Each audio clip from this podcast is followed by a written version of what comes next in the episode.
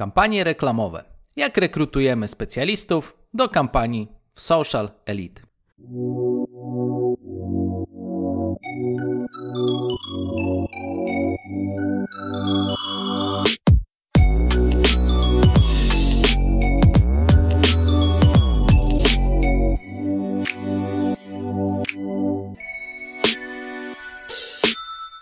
Cześć, cześć, cześć, dzień dobry, witajcie moi drodzy słuchacze, drogie słuchaczki, szefowie, szefowe, dyrektorzy, dyrektorki, menadżerowie i menadżerki.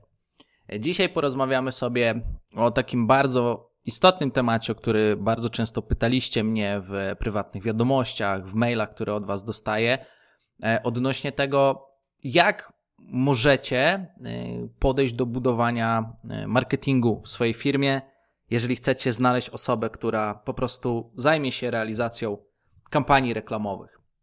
I postanowiłem, że przygotuję dla Was właśnie taki odcinek trochę zakulisowy, który pokaże Wam, w jaki sposób u mnie w Social Elite podchodzimy do właśnie kwestii związanych z rekrutacją. I będzie to tyle ciekawy odcinek podcastu, ponieważ z jednej strony opowiemy sobie o bardzo ważnym temacie, jakim jest rekrutacja odpowiedniej osoby do zespołu, niezależnie, czy chcecie, żeby ta osoba pracowała u Was na miejscu w biurze, czy zdalnie, e, czy chcecie po prostu znaleźć firmę zewnętrzną, no z każdym razem, w każdej z tych sytuacji trzeba po prostu taką osobę zweryfikować. A z drugiej strony odsłonię też troszkę kulisy tego, w jaki sposób u nas jest to wszystko poukładane i dlaczego działa to z bardzo dużą skutecznością. Dlatego myślę, że będzie to dla Was bardzo ciekawy odcinek. Rekrutacja to dla wielu temat trudny. Jest to duże wyzwanie w firmie, żeby znaleźć odpowiedniego specjalistę. Jeżeli popatrzymy sobie na ogólnie zmieniający się rynek rekrutacji w Polsce, to na pewno zdajesz sobie sprawę z tego, że ogólnie rekrutacja z roku na rok staje się coraz trudniejsza. Dobrych specjalistów jest coraz mniej, a ci kandydaci, którzy się zgłaszają, często są wątpliwej jakości. Wręcz człowiek ma wrażenie, że CV zostało po prostu wysłane z przypadku. I jak tutaj na tym ciągle zmieniającym się rynku, który staje się coraz trudniejszy, znaleźć rzeczywiście tego wymarzonego specjalistę? Jak ma marketing się do ogółu? Z tego co obserwuję, rekrutacja kompetentnej osoby do marketingu jest jeszcze trudniejsza. Stoi za tym kilka powodów. W marketingu obecnie każdy podaje się, że jest w cudzysłowie specjalistą samoukiem. Ma tak zwane lekkie pióro i najlepiej jest to osoba z dwuletnim, tak zwanym wieloletnim doświadczeniem. Z drugiej strony, e, jak ja to mówię, mamy panią Kasię, która od wielu lat pracuje i w pewnym momencie swojego życia zaczęła zajmować się social mediami, Instagramem, Facebookiem. Ale kiedy na rozmowie kwalifikacyjnej zapytana o to, jakie ma doświadczenie w prowadzeniu profili, że twierdzi, że jest tym specjalistką, ona odpowiada, że po prostu od wielu lat prowadzi swoje prywatne profile. Wrzuca zdjęcia, publikuje treści i ona wszystko już wie na ten temat. Nie ma tam nic więcej do odkrywania. Z trzeciej strony mamy specjalistów od reklamy, którzy chwalą się na przykład trzyletnim doświadczeniem i w prowadzeniu kampanii reklamowych. Ale kiedy tacy specjaliści zapytani o to, ile pieniędzy na przykład wydają na reklamy w ciągu na przykład ostatniego kwartału czy 12 miesięcy, często udzielają takiej odpowiedzi: no około 5000 zł. I z drugiej strony wcale nie jest łatwiej e, znaleźć i zrekrutować dobrego kandydata. Kiedy? Ty na przykład jako szef czy szefowa, albo może menadżer, menadżerka działu, dyrektor, dyrektorka, niekoniecznie jesteś specjalistą czy specjalistką od weryfikacji umiejętności takich osób, ponieważ social media są dosyć młodą dziedziną zawodową, nie mamy tutaj aż tak dobrze opracowanych schematów. Bar mało tego, bardzo często jest tak, że angażujesz się w zupełnie inne tematy w swojej firmie, no i generalnie, kurczę, no nie ma czasu człowiek zapoznawać się z tą dziedziną od A do Z, żeby nagle umieć weryfikować umiejętności specjalistów. I potem na rozmowach kwalifikacyjnych dochodzi do kuriozum, gdzie ktoś pisze, że zna się na prowadzeniu profili społecznościowych, na kampaniach reklamowych, a na koniec okazuje się, że ktoś przeczytał jedną książkę i już uważa, że jest strasznie świetnym specjalistą. W szczególności, e, kiedy nawet w naszej firmie mamy dział HR, to znowu powstaje kolejny problem, że są to osoby, które raczej są w stanie zrekrutować osoby na proste stanowiska produkcyjne, albo są w stanie zbadać charakter osoby i jej potencjalne predyspozycje do wykonywania danego stanowiska. Ale to, co nie są w stanie zrealizować takie osoby z działu HR, to one nie są w stanie sprawdzić, czy specjalista od marketingu w social mediach rzeczywiście jest specjalistą. I tak tutaj się koło zamyka. Zarówno jedna strona, kandydaci, jak i druga strona, czyli Twoja firma, firma, w której pracujesz, no gdzieś tutaj nie dogadują się między potrzebami, kompetencjami, umiejętnościami weryfikacji i potem po prostu dochodzi do kiepskiego zatrudnienia. I w dzisiejszym odcinku opowiem Tobie, jak możesz uniknąć takich sytuacji, jak się dobrze przygotować do kwestii samej rekrutacji, żeby rzeczywiście ten potencjał kandydata był dużo, dużo większy. W takim razie, jak podchodzimy do kwestii rekrutacji, bazując na naszym wieloletnim staraniu, dopracowywaniu całego procesu, na dzień dzisiejszy jesteśmy w stanie już rekrutować osoby z bardzo dużą skutecznością i bardzo dobrą dokładnością, poszukując kandydatów, którzy mają największy potencjał do tego, żeby u nas w firmie się rozwijać, ale również do tego, żeby wykonywać świetną pracę. I jest tutaj dokładnie pięć punktów, na które zwracam uwagę, aby rzeczywiście takich kandydatów znaleźć. Po pierwsze, zanim w ogóle przystąpię do rekrutacji, określam, kogo tak naprawdę szukam. Czyli nie chodzi o to, żeby określić po prostu, no szukam specjalisty, który zajmie się reklamami, niech on tam usiądzie sobie te kampanie robi. Ja się na tym nie znam, mnie to nie interesuje, ma być efekt. Ok, tylko jeżeli nie będziesz potrafił zweryfikować, po pierwsze, odpowiedniej osobowości takiej osoby, a po drugie, nie będziesz w stanie określić, jakie umiejętności powinna mieć ta osoba, która w Twojej firmie będzie wykonywać takie prace, to jest duża szansa, że nie wyłapiemy tego na etapie rekrutacji zatrudnimy specjalistę samouka z lekkim piórem, który ma za sobą e, jeden 3-godzinny kurs z zakresu reklamy i w sumie to skupia się na promocji postów, a nawet nie wie, co to jest remarketing. Więc na samym starcie dużym wyzwaniem dla mojej firmy było bardzo jasne określenie, jakich kompetencji możemy poszukiwać wśród osób, które rekrutujemy do firmy. A z drugiej strony, jakie cechy charakteru powinny przeważać, żeby rzeczywiście osoba mogła e, fajnie e, realizować działania i się tymi kampaniami szybko nie znudzi, czyli nie wypali zbyt szybko zawodowo. I jeżeli chodzi o kompetencje, to ja określam dziewięć umiejętności, które powinna mieć osoba, e, którą zdecydowanie mógłbym nazwać specjalistą czy specjalistką. I te umiejętności to są m.in. korzystanie z zaawansowanego narzędzia, jakim jest menadżer reklam.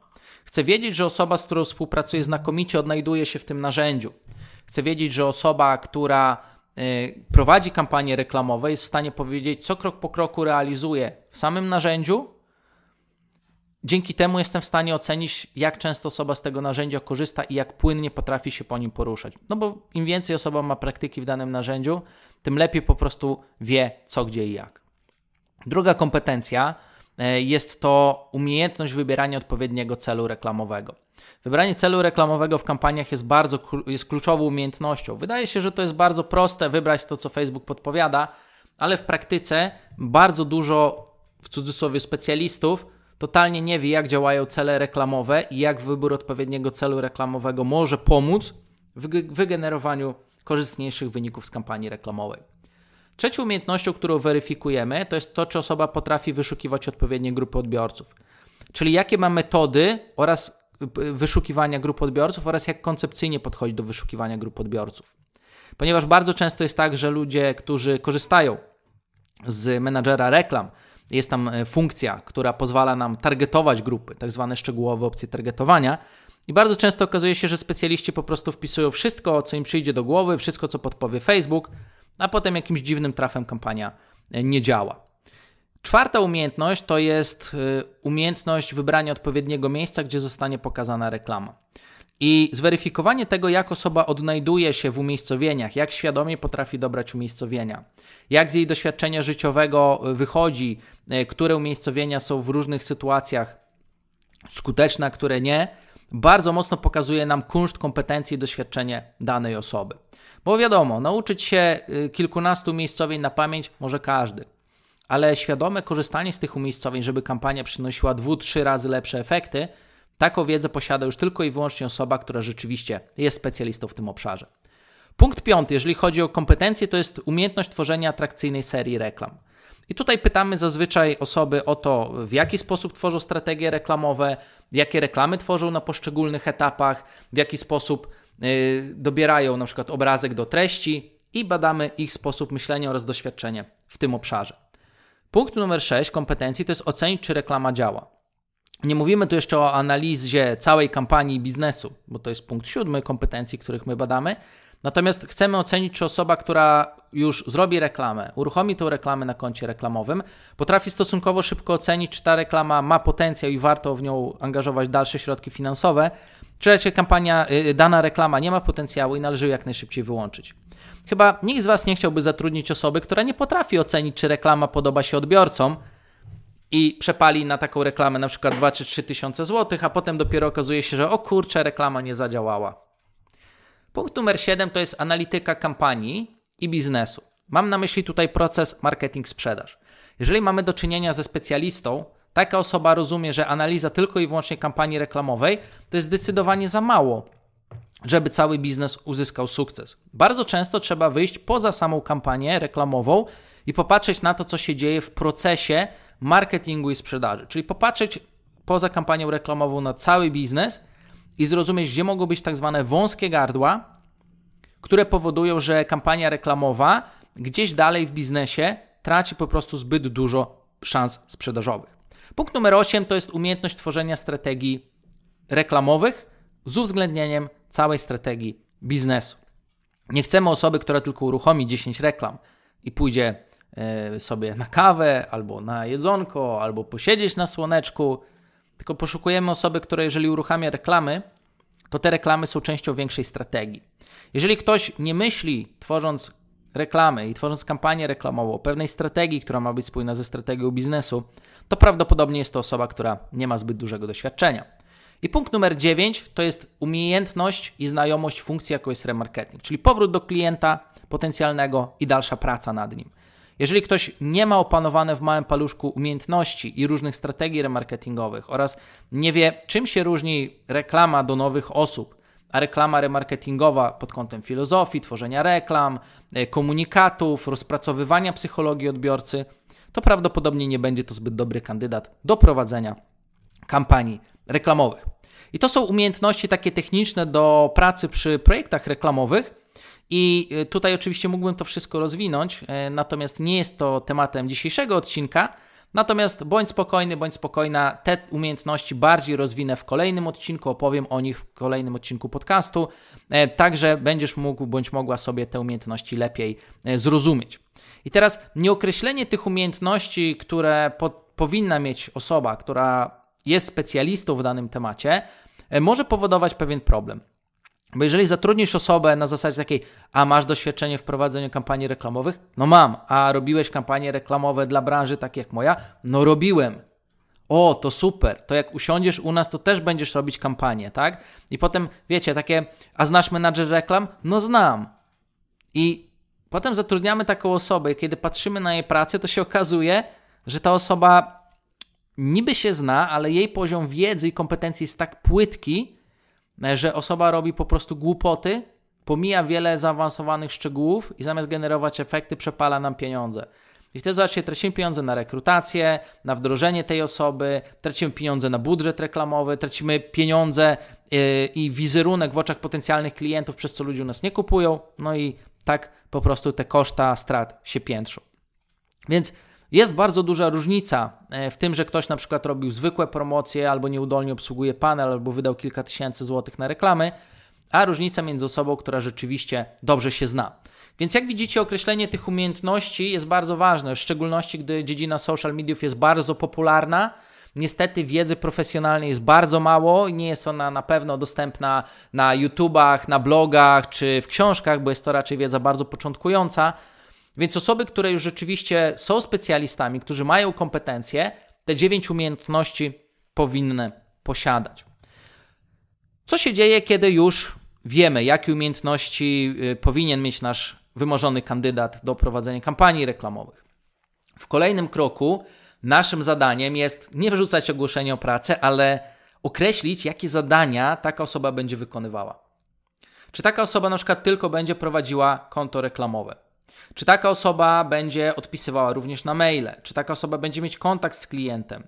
Czy taka osoba będzie pełniła funkcję doradczą? E, czy taka osoba będzie samodzielnie pisać reklamy? Czy taka osoba będzie samodzielnie tworzyć grafiki? Czy taka osoba będzie samodzielnie realizować analitykę? Czy może mamy grafika do pomocy? Może mamy do pomocy fotografa? Może mamy copywritera już zatrudnionego w firmie? Warto jest określić, jakie zadania będzie wykonywać dana osoba u Was konkretnie w firmie, ponieważ dzięki temu jesteście w stanie właśnie w ramach tych zadań, po pierwsze, przedstawić je kandydatowi, a po drugie, jesteście w stanie e, również zweryfikować bardziej szczegółowo, czy kandydat e, te umiejętności e, posiada. I na przykład też dodatkowo poza samą kampanią reklamową może być też tak, że poszukujesz specjalisty od różnych platform. Czyli może być tak, że poszukujesz osoby, która robi kampanię na Facebooku, na Instagramie, na TikToku, na Pinterestie, na LinkedInie. Dlaczego? Bo poszukujesz osoby, która będzie robić e, szerokie działania marketingowe. Nie chcesz zatrudniać zespołu specjalistów. A z drugiej strony, może poszukujesz osoby do swojej agencji i chcesz, żeby taka osoba e, była wyspecjalizowana tylko na przykład w jednej czy dwóch platformach. Więc bardzo istotne jest określenie właśnie tych zadań, które osoba będzie wykonywała, ponieważ Potem e, Twoim zadaniem będzie określenie również cech charakteru, które powinna mieć osoba, żeby rzeczywiście dłużej utrzymać się na danym stanowisku. Jeżeli chcemy na przykład osobę, która będzie tylko obsługiwać konto reklamowe, fajnie jest znaleźć osobę, która ma predyspozycje analityczne, od już gimnazjum, e, liceum, czy teraz już jak nie ma gimnazjum, no to od powiedzmy liceum, e, przez studia, przez pracę zawodową, taka osoba na przykład wykazuje smykałkę do przedmiotów ścisłych, lubi matematykę, fizykę, chemię, lubi siedzieć w cyferkach. Predyspozycje do takich przedmiotów sprawiają, że osoba bardzo chętnie analizuje konta reklamowe i jeszcze się z tego cieszy. Podczas gdy osoba, która jest kreatywna, która tylko tworzy na przykład yy, grafiki tak, do reklam yy, lub jest kreatywnym copywriterem z lekkim piórem, to jest to osoba, która patrząc przez trzy miesiące na yy, dane analityczne dostaje nie szajby, pomyśli, że się nie rozwija i, i będzie, yy, będzie jak to yy, zdarza mi się, yy, czy kiedyś mi się bardziej zdarzało, teraz już może mniej z racji doświadczenia, ale słyszeć, że osoba się po prostu wypaliła po trzech miesiącach e, zawodowo jest bardzo nieszczęśliwa, bo patrzy w tabelki. Więc bardzo istotne jest właśnie określenie tego. I teraz, jeżeli mamy e, osobę, która w rekrutacji mówi, że ceni sobie różnorodność, jak się dużo dzieje, a my chcemy, żeby ta osoba prowadziła kampanię na Facebooku i na Instagramie, to ta osoba nie będzie miała cały czas bodźców, że, że coś się dzieje. Ale z drugiej strony, jeżeli damy o takiej osobie kampanii na TikToku i na Pinterestie i na LinkedInie, to ta osoba skacząc po platformach będzie ciągle stymulowana emocjonalnie, psychologicznie do tego, że ona ma dużo wyzwań, dużo ciekawych zadań, bo ciągle coś się zmienia, tak? Więc na przykład, jeżeli bym rekrutował osobę tylko do prowadzenia powiedzmy kampanii na Facebooku i na Instagramie, to raczej szukałbym osoby, która powie mi coś takiego, że od wielu lat ona uprawia sporty, ona jest skupiona na jednej rzeczy, bo ona wie, że skupienie na jednej rzeczy pozwala jej dojść do dużego sukcesu. A jakbym miał dużo różnych platform, to mógłbym e, rozważyć zatrudnienie osoby, e, która mówi, że lubi jak coś się dzieje, lubi różnorodność, nowe wyzwania, ciągle się czegoś nowego uczyć. I jeżeli chodzi o kampanie reklamowe, jeżeli chcemy, żeby jedna osoba na przykład obsługiwała nam y, wszystkie elementy, i analitykę, i strategię, i te elementy kreatywne, to musimy poszukać osoby, która zarówno lubi przedmioty ścisłe, jak i kwestie kreatywne. Są ludzie, którzy mówią, że są bardzo kreatywni, nie lubią nauk ścisłych, ale są ludzie, którzy są bardzo analityczni i nie potrafią być kreatywni. Natomiast jest jeszcze trzeci typ osoby. Osoby, które i prawą, i lewą półkulę mają dobrze rozwiniętą, są zarówno bardzo analityczni, jak i niezwykle kreatywni.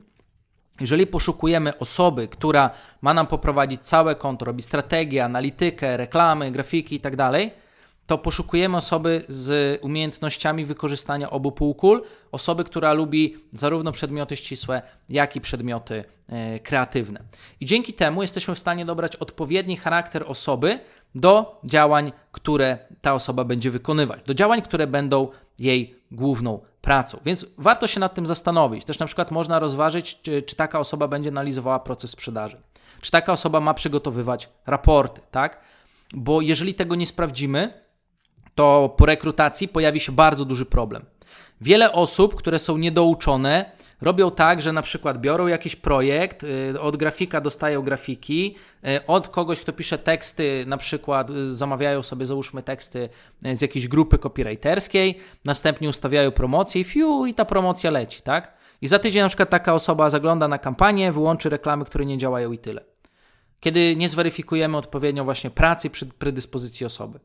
I może się nagle okazać, że chcemy zatrudnić osobę do firmy, która będzie dla nas robiła wszystko, a tak naprawdę w perspektywie praktyki i doświadczeń tej osoby to się okazuje, że ta osoba ani nie robi grafik, ani nie robi tekstów, nie umie pisać, ani taka osoba nie rozumie, na czym polega proces marketingowo-sprzedażowy, bo ona w sumie sobie otrzymywała wcześniej y, pracę od innych, ona tylko wstawiała to na konto i leciało.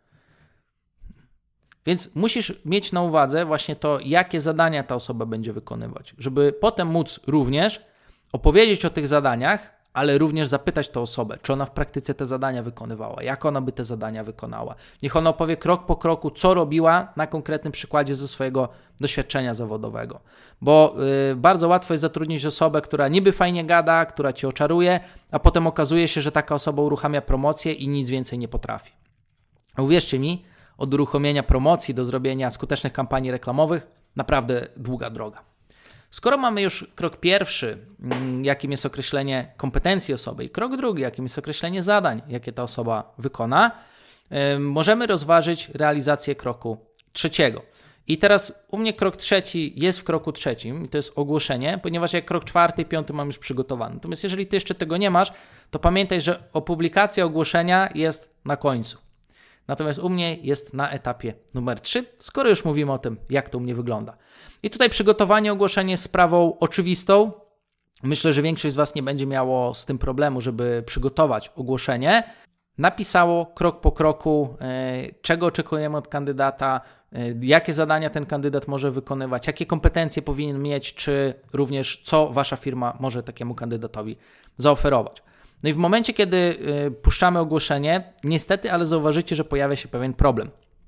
Że niby zgłasza się dużo osób, które rzeczywiście twierdzą, że coś potrafią, ale jak popatrzycie w ich CV, rzeczywiście przez pryzmat punktu pierwszego i drugiego, o którym powiedziałem, przeanalizujecie te CV, to się okazuje, że dużo z tych zgłoszeń jest po prostu niczym innym jak bublami. Nie da się odmówić tego, że w Polsce osoby mają duże chęci, do działania, mają duży entuzjazm, ale niestety troszkę problem jest z kompetencjami. Tym bardziej, że osoby, które naprawdę mają wysokie kompetencje, bardzo często po prostu e, tej pracy nie szukają. Więc umieszczenie ogłoszeń w jak największej ilości miejsc, czy nawet zrobienie tak zwanego direct searcha, na przykład na LinkedInie, wyszukania osób, które e, mają odpowiednie kompetencje i odpowiednie stanowiska i porozmawianie z nimi, zaproszenie ich na rozmowę rekrutacyjną, może tutaj być rzeczywiście fajne. Natomiast to, co mogę od razu powiedzieć z własnego doświadczenia, w przypadku rekrutacji osoby na stanowisko e, marketingowe, osoby, która będzie zajmować się kampaniami reklamowymi, najważniejsza jest konsekwencja, bo dobrzy kandydaci pojawiają się, e, oni szybko też znikają z rynku pracy, więc jeżeli e, umieszczasz ogłoszenie i po miesiącu nie ma efektu, to najważniejsze jest po prostu zachować ciągłość ogłoszeń. Z mojego doświadczenia jasno wynika, że jeżeli w momencie publikowania mojego ogłoszenia nie ma kandydata, a ja zrezygnuję za szybko i ten kandydat się pojawi na przykład tydzień później na 1-2 dni na portalu, to niestety mojego ogłoszenia nie zobaczy. Punkt numer 4 y, u nas, który realizujemy w Social Elite, to jest też odpowiednie przygotowanie etapów rekrutacji. Jeżeli ty tych etapów rekrutacji nie masz przygotowanych, to przed publikacją ogłoszenia, oczywiście, bardzo ważne, żeby to zrobić. I u nas w Social Elite mamy cztery etapy rekrutacji. Etap pierwszy to jest test, etap drugi to jest rozmowa zgodności charakteru i celów, etap trzeci to jest rozmowa techniczna, y, to już jest dalsza rozmowa rekrutacyjna. I następnie mamy również test umiejętności, który pokazuje nam, czy osoba jest dopasowana do wdrożenia. Oczywiście w trakcie też y, tego testu, ostatnio, e, ostatnim elementem, o którym rozmawiamy, y, to już jest kwestia dogrania finansów. W jaki sposób podchodzimy do tych czterech etapów i dlaczego one są w ten sposób zrobione? Na początku mamy test. Czyli jeżeli selekcjonujemy CV, które przychodzą do nas przez portale rekrutacyjne czy y, z innych y, kanałów, to najważniejsze dla nas jest to, żeby wyselekcjonować odpowiednie CV, a następnie, żeby te osoby przetestować. I my przygotowaliśmy właśnie wewnętrzny taki assessment, y, który pozwala nam określić, czy dana osoba rzeczywiście ma odpowiednie kompetencje, które kwalifikują tą osobę w ogóle do rozpoczęcia rozmów. I teraz u nas, jeżeli ktoś na odpowiednią ilość punktów od 1 do 10 wykona test poprawnie, to wtedy taka osoba przychodzi do drugiego kroku. U nas w przypadku realizacji wiemy, że kiedy ktoś wykona test minimum 8 na 10, to taką, z taką osobą możemy porozmawiać. Jeżeli ktoś wykona test 8,5 na 10, to jest to kandydat, który się wyróżnia. Natomiast jeżeli ktoś wypełni e, test i będzie miał 9 na 10 punktów, to wiemy, że taka osoba ma już dużo większy potencjał do działania, a osoba, która wypełni na 9,5, były takie jednostkowe przypadki, są to osoby, z którymi w pierwszej kolejności będziemy chcieli porozmawiać, ponieważ są to osoby, które charakteryzują się rzeczywiście e, głębszą możliwością e, realizacji e, działań reklamowych, większymi kompetencjami. Jeżeli chodzi o kwestię drugą, kiedy mamy kandydatów, którzy fajnie wypełnią testy, następnie przechodzimy do rozmowy zgodności charakteru i celów. I taka rozmowa to jest rozmowa telefoniczna, która zajmuje około 15-20 minut. Jest to rozmowa, w której po pierwsze ja zadaję odpowiednio wcześniej przygotowane pytania, e, które pozwalają mi każdego kandydata czy kandydatkę ocenić w ten sam sposób. Następnie po zadaniu takich pytań również opowiadam o kwestii samego stanowiska, o tym jak wygląda u nas praca, o tym jak wygląda u nas rozwój kariery i na końcu pytam kandydata, co on o tym sądzi, czy to jest to, czego on szuka, czy może to nie jest to, czego on szuka i patrzę na reakcję kandydata czy kandydatki.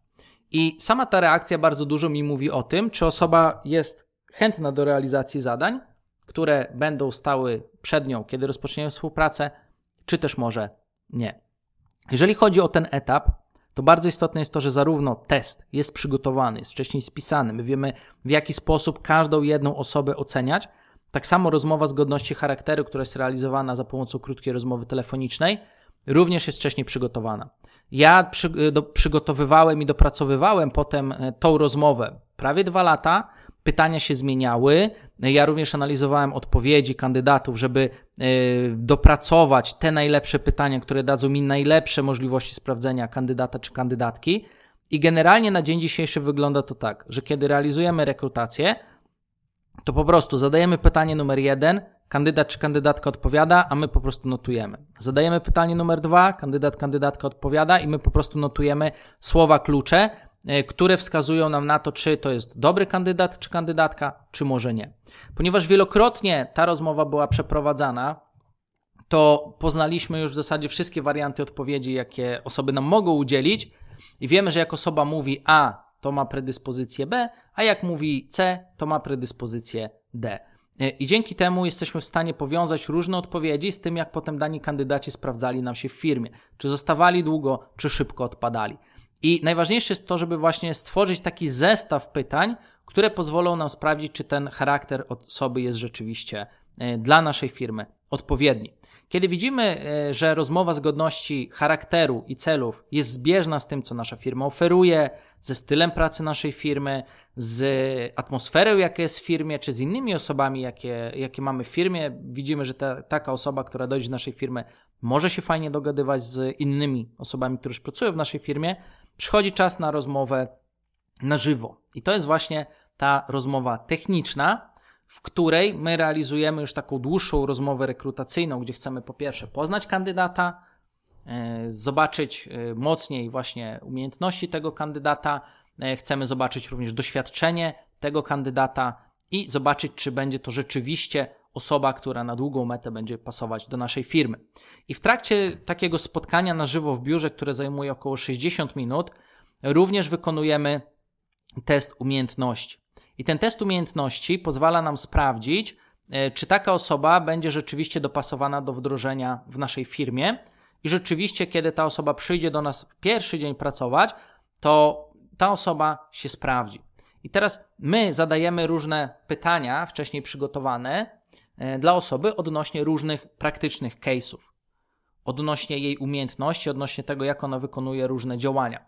I jeżeli taka osoba pokazuje nam, że ma odpowiednie umiejętności, które pozwolą tej osobie zarówno wykonywać dobrej jakości pracę, jak i pozwolą tej osobie dopasować się do naszego systemu onboardingu w firmie, to wtedy wiemy, że taki kandydat czy kandydatka, kiedy do nas przyjdą pierwszego dnia, to z dużym prawdopodobieństwem taka osoba pokocha naszą firmę, polubi naszą firmę, zajara się tym, co robimy i będzie rzeczywiście fajnie realizować działania.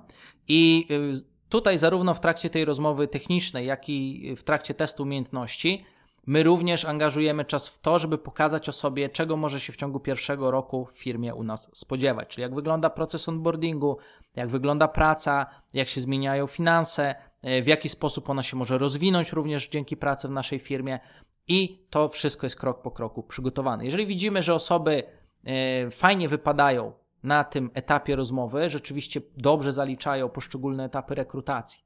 Ale z drugiej strony widzimy, że osoba entuzjastycznie reaguje na to, co my oferujemy, to jest to dla nas znak, że może to być dobrze dopasowany kandydat czy kandydatka. Natomiast jeżeli ktoś na przykład dobrze wypada w testach, ale widzimy, że na przykład ta osoba oczekuje od kariery zawodowej czegoś innego niż to, co my oferujemy w firmie, to my po prostu jasno o tym mówimy i takie osoby nie bierzemy.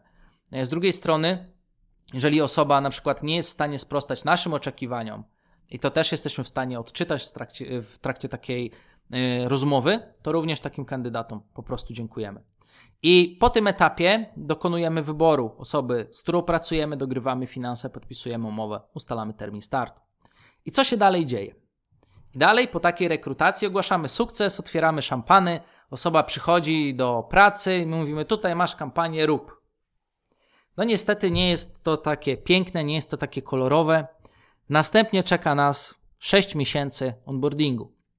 I ja zauważyłem, że nie ma znaczenia, czy osoba ma bardzo duże doświadczenie, średnie doświadczenie, czy małe doświadczenie. Każda osoba, która przychodzi do ciebie do firmy, nie wejdzie do firmy na gotowe i nie będzie gwiazdą, która ci firmę poukłada i w zasadzie od pierwszego dnia będzie pracować dobrze. Może tak jest na produkcji, może tak jest w firmie, w której yy, się sprząta może tak jest w przypadku nauczycieli języka angielskiego, którzy idą pewnym sprawdzonym od wielu lat wszędzie takim samym realizowanym programem, ale na pewno nie jest tak w przypadku y, specjalistycznych stanowisk, w których osoba musi poznać firmę, kulturę firmy, e, musi rozumieć, co krok po kroku robimy, musi zrozumieć proces obsługi klienta i wiele, wiele innych rzeczy. Więc moim zadaniem od pierwszego dnia, kiedy osoba przychodzi do nas do firmy, jest odpowiedzieć tej osobie krok po kroku, jak ona będzie wdrażana. Co krok po kroku będzie robiła. Czyli bardzo ważne jest to, żeby przygotować etapy wdrożenia i najlepiej podzielić je na przykład na sprinty tygodniowe czy dwutygodniowe. I w trakcie tego wdrożenia, krok po kroku, należy rozpisać kroczki, które ta osoba wykona, czyli co taka osoba ma robić tydzień po tygodniu, miesiąc po miesiącu jak ta osoba ma według standardu waszej firmy te zadania wykonywać. Komu ta osoba będzie podlegała? Czy będzie to szef, szefowa firmy, menadżer, dyrektor? Czy może taka osoba będzie miała trenera, który ją wdraża krok po kroku? Kto będzie asystował w całym procesie, żeby odpowiedzieć na różne pytania? Jak to u nas w firmie realizujemy krok po kroku różne procesy? I wielu przedsiębiorców nie ma tego przygotowanego, a niestety od tego bardzo mocno zależy sukces.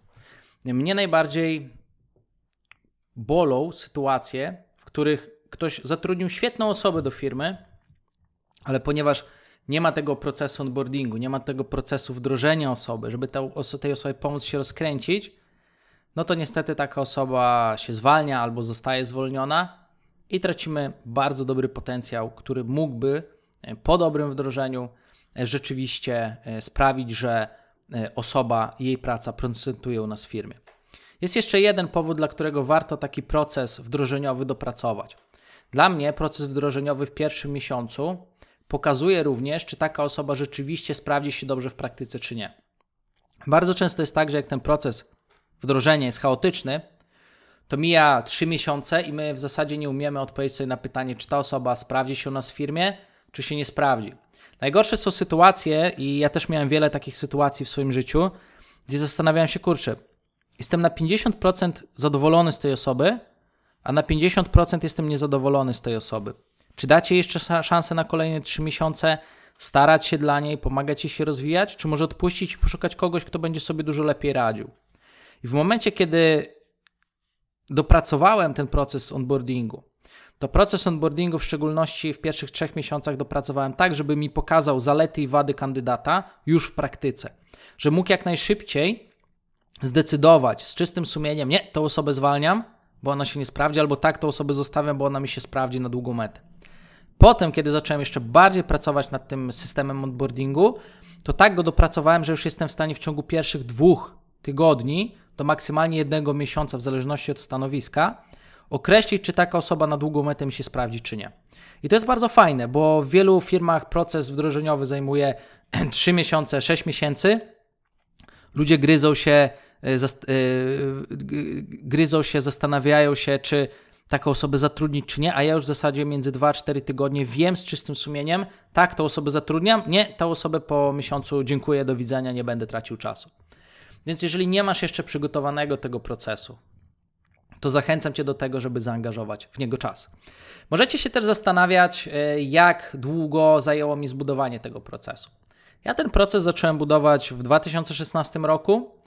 W 2018 roku już ten proces wyglądał całkiem nieźle, a został on dopięty na ostatni guzik w 2020 roku, w połowie 2020 roku. I w zasadzie od półtory roku ten proces jest tak szczelny, że już go nawet nie chcę zmieniać, ponieważ wiem, że dzięki temu procesowi mamy naprawdę świetnych kandydatów, którzy potem e, z powodzeniem e, pracują u nas w firmie.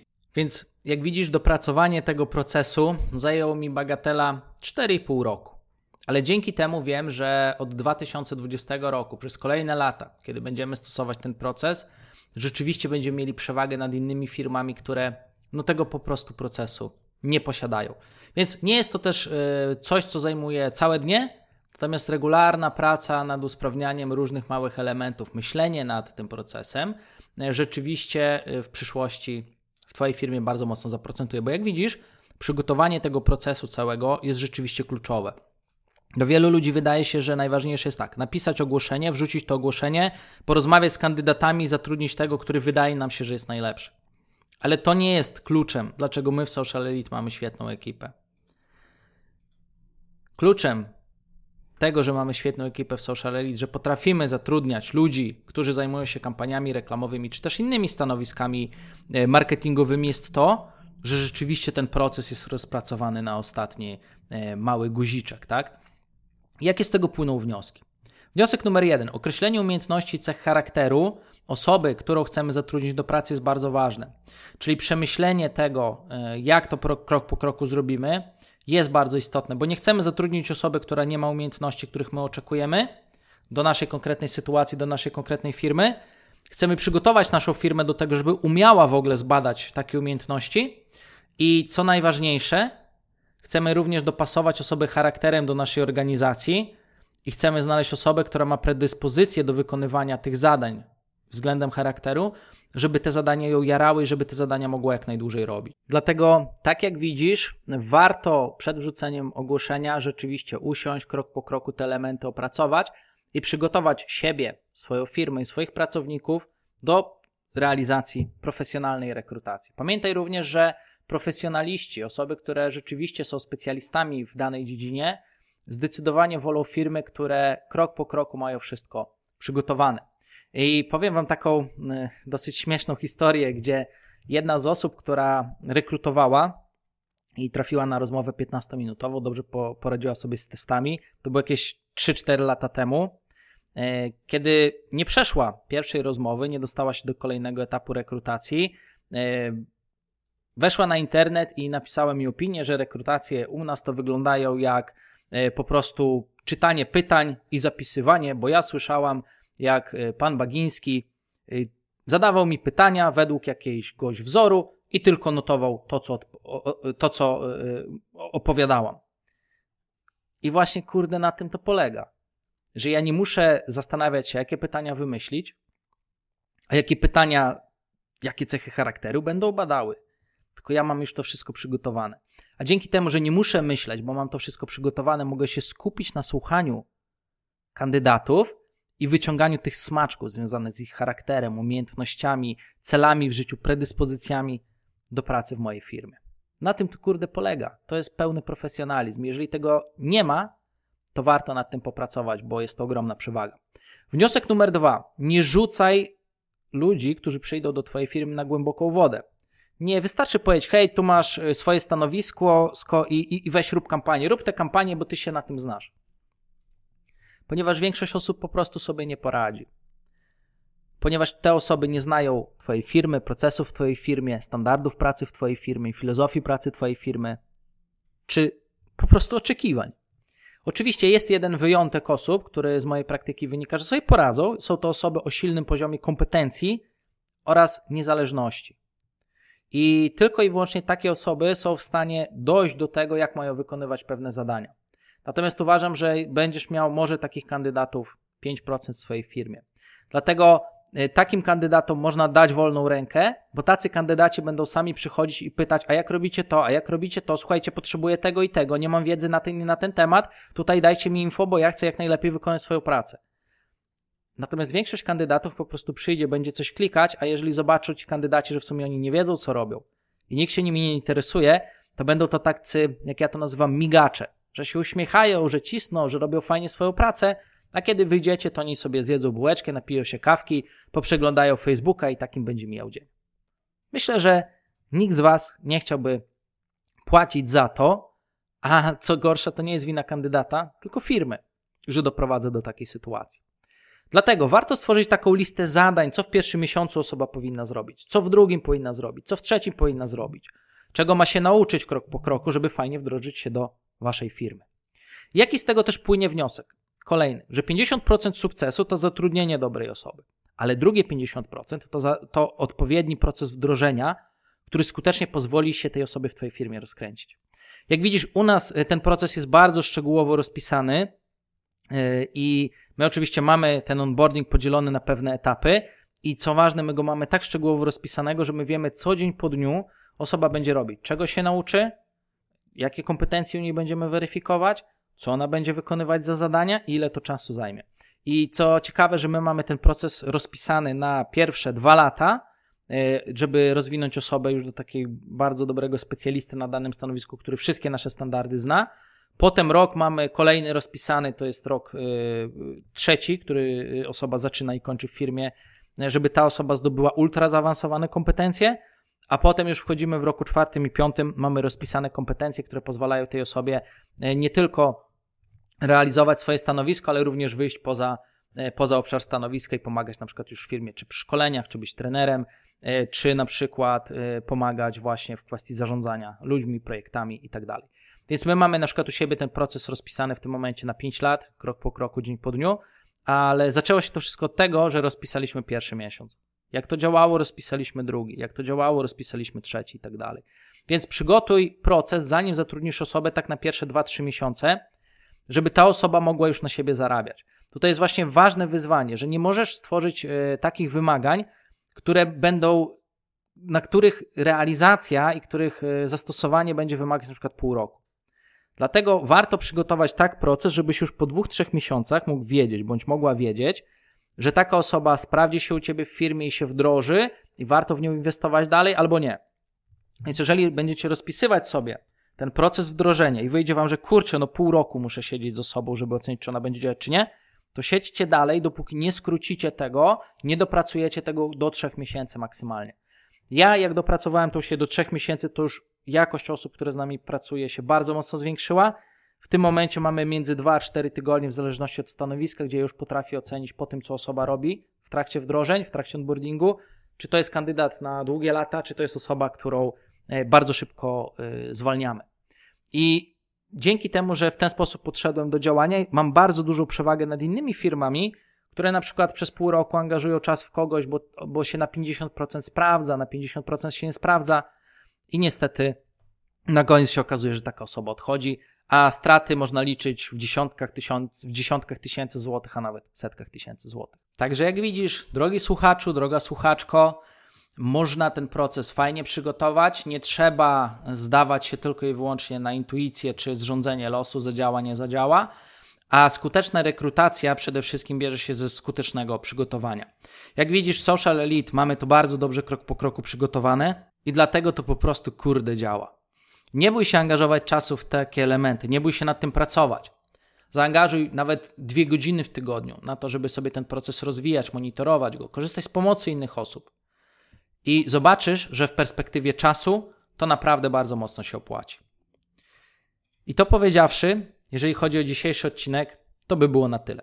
Serdecznie dziękuję Ci za wysłuchanie tego odcinka do samego końca i przede wszystkim dziękuję każdej osobie, która pisze do mnie, czy to na Facebooku, czy to na Instagramie, czy bezpośrednie maile, że rzeczywiście ten podcast jest dla Was bardzo pomocny, pozwala Wam rozwiązywać prawdziwe, realne problemy w Waszej firmie, co mnie niezwykle cieszy i motywuje do dalszego działania. Tak jak obiecałem w następnym odcinku, porozmawiamy trochę mocniej o tych dziewięciu kluczowych umiejętnościach, które powinna mieć osoba na stanowisku reklamy.